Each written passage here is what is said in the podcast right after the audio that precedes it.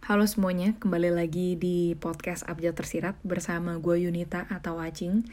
Dan kita kembali lagi di episode yang tanpa editan.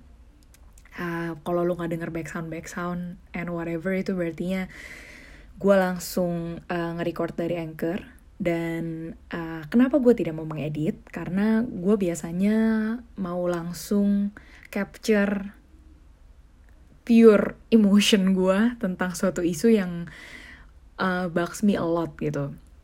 Salah satunya adalah isu yang uh, gue sama teman gue lately ngomongin tentang etika dalam bekerja, oke? Okay? Nah, tapi gue disclaimer dulu nih.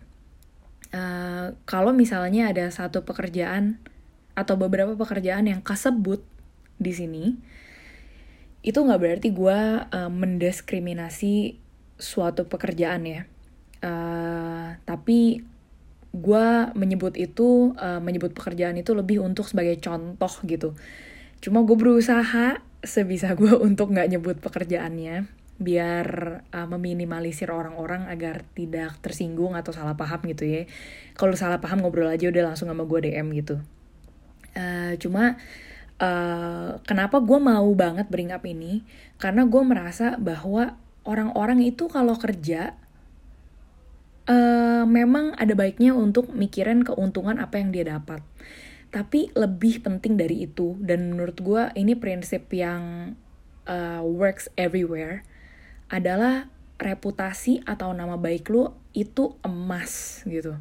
Itu bener-bener gak bisa tergantikan dengan jumlah followers berapa miliar pun atau uh, duit yang lu dapat atau komisi yang lu dapat berapa banyak pun pokoknya nama baik itu reputasi lu itu adalah hal terbaik yang tidak pernah bisa lu tukar gitu.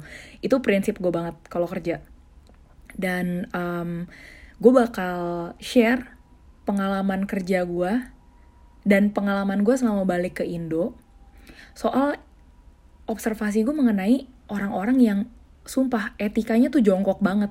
Kayak nggak ada banget gitu ya. Nah ini gue cerita dari hal yang uh, bisa gue sebut apa ya? Uh, mungkin ranahnya tuh kayak memanfaatkan uh, power ya gitu. Abuse of power atau abuse of uh, nama gedenya mereka gitu. Jadi uh, intinya ini terjadi di industri content creating. Gue gak akan sebutin detailnya apa. gue ngomongnya deg-degan nih anjing. Tapi intinya adalah um, kalau misalnya selama ini lu ngeliat gue uh, collab sama ini, sama itu, atau misalnya kelihatannya kalau dari luar, wah gila si podcast Habja Tersirat, uh, ngobrol sama ini sama itu ya keren juga, atau apa pun yang ada di otak lu. Uh, Sebenarnya ada beberapa proses yang tai yang pernah gue alami tidak sering memang ya hitungannya dari 10 kalau kolaborasi dua yang share lah gitu. Uh, dan di sini gue mau share karena gue mau coba kalian belajar gitu loh. Yang pertama ya tadi seperti gue bilang please please please please whatever you do uh, take care of your reputation sama nama baik. Dan kedua jangan pernah mikir orang tuh goblok dalam artian kalaupun lu mikir dia tuh alay dan lu bisa manfaatin atau apa pun itu yang lu anggap kayak ah, lu di bawah gua lah gitu ya.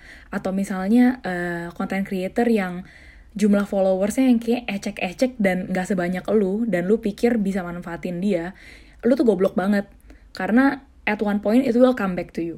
Nah gue jelasin di sini. Jadi uh, ada beberapa kerjasama yang memang uh, ujung-ujungnya barulah gue ketahuan kalau uh, beberapa pihak ini mengajak gue kerjasama itu hanya untuk memanfaatkan labor gue doang. Dalam arti maksudnya tenaga tenaga gue dalam uh, membuat konten. Baik itu entah dari podcast atau konten yang ada di Instagram gue ya. Kan gue juga nulis kan di Instagram Nah, dari situ kenapa gue bisa bilang gue dimanfaatin dan gue ill feel banget gitu ya sama uh, case yang gue alami. Itu karena awalnya ngomong A gitu. Kan biasa kalau lu diajakin bekerja sama atau kolaborasi gitu, uh, biasanya uh, lu di approach di DM abis itu kayak eh gue baru ketemu nih konten lu bla bla bla in this case ya berarti konten abjad tersirat gitu ya uh, dan ya udah kasihlah proposal kenapa mau ngobrol sama atau kenapa mau kerja sama sama gua dan uh, workloadnya apa nih between us gitu. Apakah um, apakah gue bagian ABC atau lu yang ABC atau kayak gimana? Nah uh, terjadi suatu ketika bahwa um, gue di approach sama gimana ngomongnya ya? Gue deg-degan takut keceplosan goblok. Gue di approach sama beberapa pihak deh gitu ngomongnya beberapa pihak yang menurut gue kayak wah gila lumayan banget nih buat jadi batu lompatan gitu. Dan itu kan uh, gue ditawarinnya tuh pas lagi memang ya momen-momen gue cukup perlu exposure yang lebih gede lagi gitu ya Walaupun sekarang juga gue masih perlu sih, cuma saat itu kayaknya lebih di titik agak desperate gitu. Jadi gue terima-terima aja, mau apa aja gitu yang dateng ya. Kesian juga nih gue. Nah terus um, di saat itu pihak pihak-pihak yang ngajakin gue bekerja sama itu di awal ngomongnya A, tapi pas semuanya udah jadi, uh, semuanya udah udah terurus gitu dari pihak gue dan juga pihak dia tiba-tiba tercuatlah dari kata-kata uh, pihak ini gitu bahwa ternyata dia tuh memang cara kerjanya ya uh, coba approach um, content creator yang followersnya masih dikit. Tapi um, tapi rela mengerja anjir gue kayak so kayak gue calculated banget ya ngomongnya. Oke oke oke oke oke. Gue ulang ya gue ulang. Uh, turn out bahwa uh, beberapa pihak yang coba ajak gue ngobrol ini atau ngajak gue kerja sama ini uh, mereka yang pertama ketahuan bahwa mereka pakai uh, nama besar mereka atau atau power mereka untuk memanfaatkan konten creator konten creator yang masih merintis gitu ya. Merintis whatever that means dalam perspektif mereka. Uh, dan dipakailah tenaga entah itu waktu entah itu uh, pikiran untuk uh, bikin konten yang katanya the so called kerjasama ini tapi sebenarnya malah ngerugiin kitanya gitu yang lagi merintis nih. Nah jadi tuh gue ketahuannya karena memang pihak ini yang ngomong sendiri setelah uh, gue selesai kerja sama sama dia. Jadi um, dia akhirnya kayak ngomong gitu ke gue. Uh, gue nggak akan ngomong detail ya ngomongnya apa, tapi uh, to sum up, dia ngomong bahwa uh, oh iya gue tahu kok gue punya nama. Jadi makanya gue tuh coba approach uh, beberapa akun yang memang ya lu emang ngefans sama gue kan. Jadinya uh, lu pasti mau mau aja kerja sama gue gitulah intinya ya. Terus gue langsung kayak kegampar dong ya. Kayak eh gimana ya maksudnya? Lu ngomong gitu abis kita kelar nih kerja sama ya. Berarti lu tuh exploit uh, vulnerability content creator content creator yang sebenarnya harusnya memperjuangkan uh, atau maksudnya fokus ya bukan memperjuangkan. Fokus untuk uh, ngegedein kontennya sendiri atas namanya mereka sendiri. Tapi karena lu nih lu uh, pihak A lah ya gitu lu tuh punya exposure yang lebih gede uh, lu tahu nih para perintis konten creator konten creator perintis ini perlu uh, followers yang lebih banyak atau uh, perlu audiens yang lebih banyak lo jadi pakai embel-embel itu untuk memanfaatkan tenaga kerjanya mereka secara gratis gitu. Dan most of kerjasama setidaknya yang uh, terjadi pada gue ya ya uh, base-nya adalah barter workload gitu. Kayak misalnya oh iya gue ngerjain ABC terus lu ngerjain AB uh, eh, DEF gitu ya. Uh, bantuin gue ini itu tapi tidak ada duit gitu kan. Kecuali lu di approach sama yang kayak gede-gede ya. Misalnya uh, podcast lu dimasukin ke Spotify for Asia yang kayak gitu-gitu. Nah gue kan di approachnya sama sesama content creator yang iya cukup punya exposure tapi nggak sampai mampu buat ngebayar gitulah. Nah gue nggak tahu nih awal-awal tuh gue mikir pas setelah setelah maksudnya terucap dari pihak ini bahwa oh iya gue tuh emang uh, ya gue tahu kok maksudnya gue punya gue punya nama dan ya gue approach aja orang-orang yang admire gue dan biasanya mereka mau mau aja tuh kerja gratis. Nah saat itu terjadi ya gue tuh malu banget dan gue tuh berasa bego gitu. Kayak gue take it personally karena gue berasa gila gue tuh kerja nggak gratis coy. Dalam artian uh, itu memakan waktu yang waktu itu tuh, tidak bisa kembali gitu. Um, dan kok gue bego banget ya dari awal tuh kayak mau dia manfaatin gitu ya gimana ya gue gue nggak nggak ngomong hal itu berbulan-bulan sampai gue coba bahas ini memberanikan diri ke satu content creator juga yang gue percaya dan uh, cukup sering diskusi sama gue lah gitu Nah, content creator ini juga punya nama, tapi uh, dia treat orang differently banget, makanya gue bisa percaya gitu sama uh, pihak ini. Dan gue bilang dong, akhirnya gue diskusi, gue tanya, apakah ini gue yang goblok? Apa gimana ya? Soalnya gue mikir, kok pihak yang A juga berani cerita itu ke gue setelah gue selesai kerja sama-sama dia gitu maksud gue. Kayak ini dia nganggep gue goblok atau lu berasa kayaknya lu oke okay banget jadinya lu bisa ngomong kayak gitu ke orang dan orang nggak bisa comeback ke lu apa gimana? Gitu kan. Gue mikir uh, dan usut punya usut pokoknya singkat cerita dari diskusi gue sama temen content creator gue ini ya memang dia juga pernah kerja sama sama pihak A dan ternyata itu juga yang dia rasakan. Tapi impactnya ke dia tidak sebesar ke gue gitu. Uh, ya udah dari situ akhirnya gue belajar sih bahwa um, satu hal ya uh, orang itu tidak bodoh loh. Jadi kalau misalnya lu mau mengajak mengajak kerjasama sama pihak mana pun dalam hal ini berarti uh, content creating ya. Gue nggak nggak ngomong ini cuma podcast doang atau Instagram doang ya pokoknya content creating. Um, dan kalau misalnya lu mau ngajak orang kerjasama please please please please kalau lu mau gain respect lu tuh mesti um, punya integritas. Itu aja sih.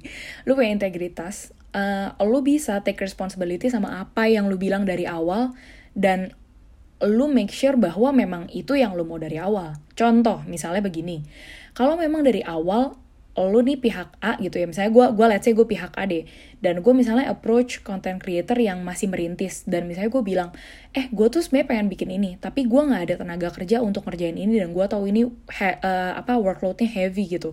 Boleh nggak gue kerja sama malu uh, buat lu kerjain ini. In return ya kalau misalnya lu kerja sama gue mungkin lu bisa dapat exposure dari audience gue nah itu tuh jauh lebih fair. Sebenarnya purpose-nya sama kan kayak yang diomongin sama si pihak A. Cuma setidaknya si content creator yang di approach ini tidak merasa kayak lu ngebohongin dia gitu loh.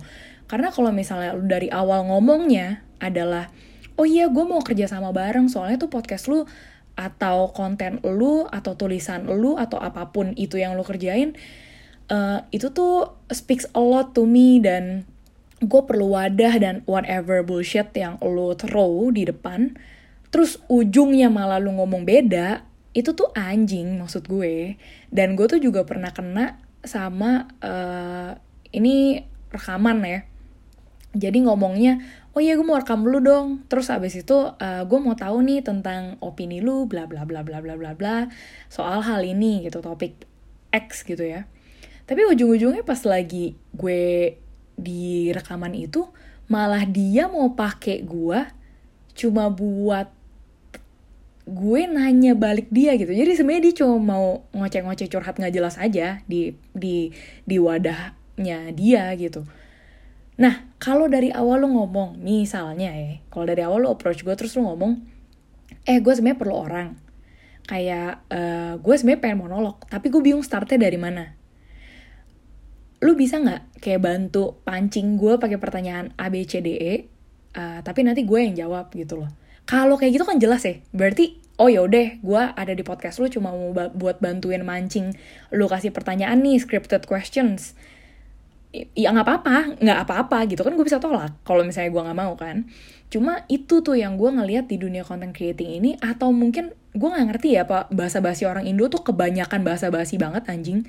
Gue kayak gue tuh kesel banget loh sama cara kerja yang kayak lu maunya A tapi lu nggak ngomong lu maunya A dari awal. Lu malah muter muter muter ke B Z ke mana abis itu ujung-ujungnya jadi C. Kan lu ngabisin waktu semua orang ya gitu loh. Jadi mohon maaf nih uh, kalau misalnya lo pengen ngajakin gue kolaborasi gue nggak akan lagi sih pengen um, pengen apa sih berkompromi gitu sama hal-hal yang kayak gitu lagi. Karena ya gue juga learn from my mistakes lah. Uh, yaitu bahwa gue kayaknya terlalu sabar. Itu mistake gue yang gue lihat deh. Soalnya dari awal tuh lo tuh berasa tahu kalau misalnya there's just something yang nggak uh, right sama gut feeling lo nih. Entah itu apa ya dan biasanya kalau gue berasa kayak itu gue berasa kayak lo sebenarnya maunya X tapi lo ngomongnya A. Cuma karena gue takut kayaknya di label gitu kayak gue terlalu direct atau gue terlalu nggak basa-basi orang ya atau gue galak atau gue apa jadi gue play along with their games gitu ya. Itu salah gue ya kalau misalnya gue udah tahu value gue apa dan gue udah tahu gue maunya apa mendingan gue langsung cut the bullshit dan kasih tahu itu dong. Kalau mereka ternyata nggak suka sama cara kerja gue ya ya udah ketahuannya dari awal gitu pahitnya dari awal. So uh, that's what I learn. Tapi ini soal content creating. Dan apa hubungannya sama kayak hal-hal yang gak etis? Ya menurut gue walaupun ini kayaknya kelihatannya kecil ya tidak merugikan uang yang besar atau kayak gimana tapi dengan lo mengabuse power lo nih kalau misalnya lo sebagai content creator yang punya nama atau followers lu nggak tahu udah siapa gitu ya Jokowi kali yang follow lu gue nggak paham terus lu di repost sampai kayak segitu powerfulnya ya gue nggak peduli lu siapa. Cuma as long as lu manfaatin orang orang tuh bisa comeback ke lu what I mean by comeback adalah sekarang mungkin kelihatannya akun gue atau project gue kecil. Tapi once people misalnya tahu gue kolaborasi sama certain uh, people dan misalnya orang nanya nih, eh gimana cing pengalaman lu kerja sama dia? I will tell the fucking truth man. Karena that's what you deserve. Dalam artian gini, lu bisa apain orang, apain aja terserah. Tapi uh, kalau misalnya lu ketemu orang yang kayak gue, and I will for sure speak up kalau ada yang gue ngerasa lu treat me nggak adil ya gue bakal spread the word sih as long as orang nanya ya. Ya kagak gue sebarin gosip maksud gue cuma kalau misalnya orang nanya eh lu gimana pengalaman kerja sama ini? Well kalau pengalaman gue sih kerja sama si A B C D E kayak gini ya. And I will not repeat the same mistake sih. Terserah lu lu mau uh, coba atau enggak tapi itu pengalaman gue. Dan itu tuh yang bahaya banget. Yang bahaya itu bukan followers lu jadi kagak follow lu. Itu tuh makan tai. Toh nggak itu tuh angka doang. Yang paling bahaya itu adalah orang tuh respect lu nggak di belakang. Dibalik ngefollow lu. Itu loh yang kayak menurut gue tuh kadang-kadang dunia content creator ini tuh kayak fucking shallow like can you just like get the fuck out dari angka-angka followers mm mm mm mm ini gitu I know it's important tapi orang tuh lupa kalau misalnya lu tuh kerja kayak gini aja tuh juga perlu loh integritas walaupun lu tidak mungkin ngasilin duit yang kayak gimana banget ya. Karena di mata gue gini lu kerjain hal kecil aja nggak punya nggak punya integriti gimana lu dikasih responsible yang gede anjir? Kayak berarti lu bisa lebih misuse power lagi dong lebih parah lagi maksud gue.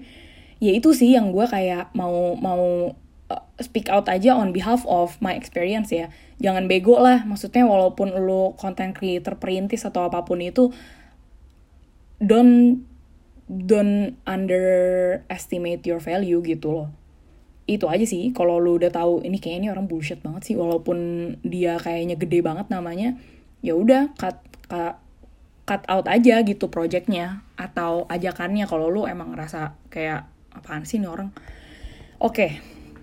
Itu pertama. Nah yang terakhir adalah tentang aduh agak gak enak tapi etika orang yang berjualan di saat orang sedang berduka atau sakit.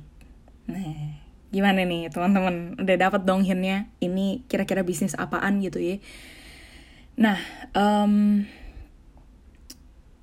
gue mau tidak mau harus menjelaskan pekerjaannya tapi gue nggak akan menjelaskan detail siapa yang approach gue atau kayak gimana gimana ya karena menurut gue um, yang salah bukan yang salah bukan um, apa ya bukan personalnya tapi mungkin cara beberapa orang yang bekerja itu atau culture pekerjaan itu sih yang menurut gue perlu lebih dimanusiakan. Oke, jadi uh, seperti yang kalian tahu, papi mertua gue kan meninggal di bulan Januari.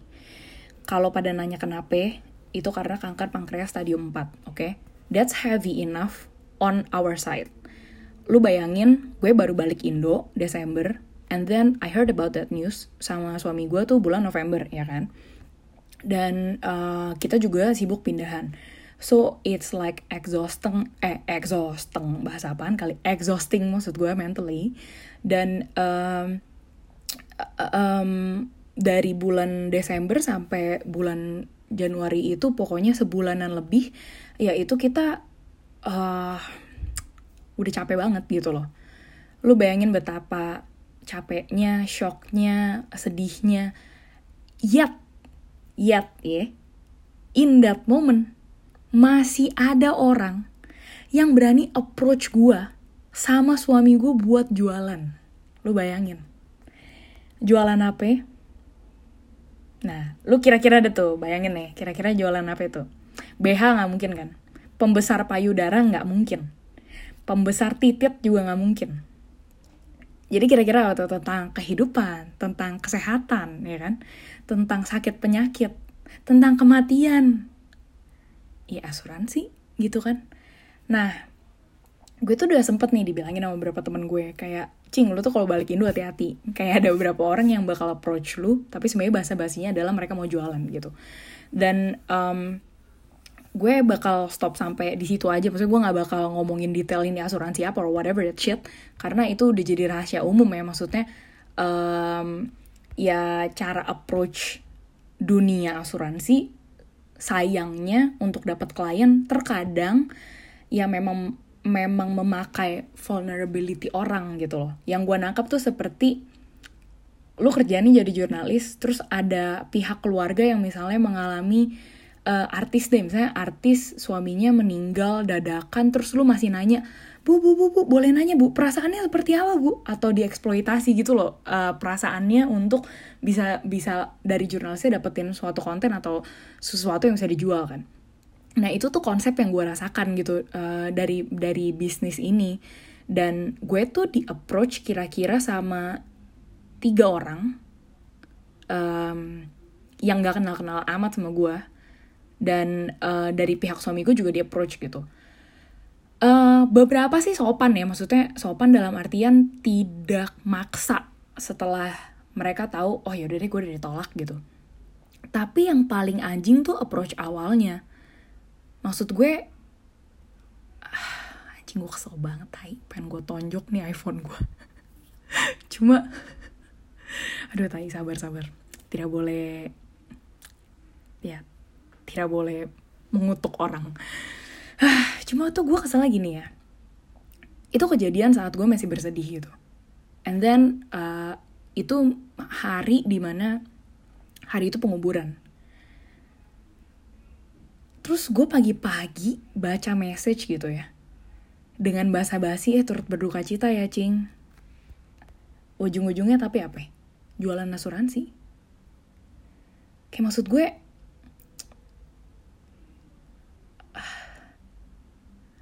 lu mikir gak sih gue tuh lagi gue tuh lagi berduka anjing. Gue tuh lagi mau kuburin papi mertua gue walaupun lu nggak tahu hari itu penguburan. Tapi bangsat banget gak sih lu sampai lu tuh lu mikir lu perlu duit? Ya nggak apa-apa demi gue dapet duit kan emang emang ini caranya untuk bisa bisa dapet ininya nih dapet apanya tuh uh, momentumnya gitu kayak I mean come on. Gue lebih appreciate orang ya yang um, lu mau jualan sesuatu ke gue apa pun itu deh ini terlepas dari lu jualan particular jasa gitu ya. Lu ngomong langsung sama gue nggak usah basa-basi ngomong terberduka cita ya cing. Lu uh, by the way bla bla bla bla bla nanya basa-basi lah tentang apa ini itu kucing gue gimana kabarnya anjing gue udah hamil apa belum. Lu nggak usah basa-basi tai kayak gitu langsung aja ngomong ke gue kayak eh cing by the way let's say misalnya lu emang lagi bener-bener perlu banget duit yang ngomong eh gue lagi uh, agak susah financial dan uh, gue punya bisnis ini by the way uh, gue tahu lu mungkin lagi bersedih atau gimana cuma uh, eh, gue kepikiran ini momentum yang baik untuk ngomongin ini di mata gue jadi kalau misalnya lu pengen atau tertarik untuk uh, melihat jasa yang gue tawarkan bisa. Kayak gitu kan langsung ya. On the spot depan muka gue tau lu mau jualan. Nggak usah pakai kayak lu bersimpati as if lu bersimpati sama kondisi gue. Bacot bacot bacot bacot bacot bacot. Nggak taunya lu mau exploit or at at least that's what I see. You want to exploit my sadness gitu loh. Untuk bisa gue kayak mungkin tergoda gitu atau terpikir bahwa wah betul juga ya. Hidup itu sangat-sangat tidak stable. Wow aku memerlukan asuransi. Kayak do you think I'm like fucking stupid? Kayak gitu. Dan ya sorry not sorry tapi ini perlu gue bring up karena menurut gue ini kelewatan gitu. Dan gak cuma gue doang yang kejadian beberapa temen gue juga pernah digituin. Salah satunya baik gue yang pernah di approach kayak gitu juga saat ya lagi berduka yang paling parah lagi kalau you don't believe me even di rumah duka even di rumah duka masih ada pihak keluarga gitu ya uh, yang berani menjual jasanya di saat keluarga ini lagi berduka gitu. Bangsat gak sih lo? Dua jam ngomongin jualannya. Lu coba pikirin, coba, coba, coba nih, coba pikirin baik-baik ya. Again, gue gak ngomong kalau lu jualan jasa apa pun itu yang base-nya adalah mendapatkan komisi atau lu coba mesti dapetin um, agen atau apa. Gue nggak bilang itu pekerjaan goblok atau pekerjaan sampah atau apa enggak. Gue nggak ngomong kayak gitu because I know like people need to make money. I know it's hard time during pandemi itu gue tahu itu hard. I know. Tapi in order lo untuk di respect sama orang in order orang bisa dapat trust lo ya lo juga mesti nge-show itu dong dari awal. Jangan lu cukup cukup lu langsung kayak berasanya itu gitu loh. Kayak kesannya lu bener banget gitu ya. Terus nggak taunya ujung-ujungnya lu juga cuma mau exploit our situation yang lagi sad gitu loh. Jadi gitu deh pesannya adalah please apa pun yang lu kerjain lu tuh coba pikirin reputasi itu adalah emas. Mungkin nggak kelihatan tapi tuh itu tuh investasi yang orang tuh nggak nggak kayak ngegampangin loh sumpah sumpah deh demi apa pun tuh orang tuh ngegampangin banget. Karena orang pengennya dapat duit cepet gitu ya itu duit kan bisa dipakai reputasi emangnya bisa bayar listrik nggak bisa kan. Tapi reputasi in the long term itu kasih lu chances untuk dapat networking yang lebih gede lagi dapat opportunity kerja yang lebih gede lagi. Itu sih yang gue bener-bener truly believe. Dan please please please please banget I know it's a hard time during uh, pandemi gitu ya. Tapi kalau lu mau jualan, jujur aja ke temen lu langsung gitu kasih tahu situasi lu apa. And people most likely bakal lebih respect lu honest kayak sebenarnya tuh lu kalau misalnya bisa sampai jualan se mengeksploitasi orang seperti itu atau mengeksploitasi situasi orang seperti itu it means lo tuh desperate for money whether you realize it or not. Gitu.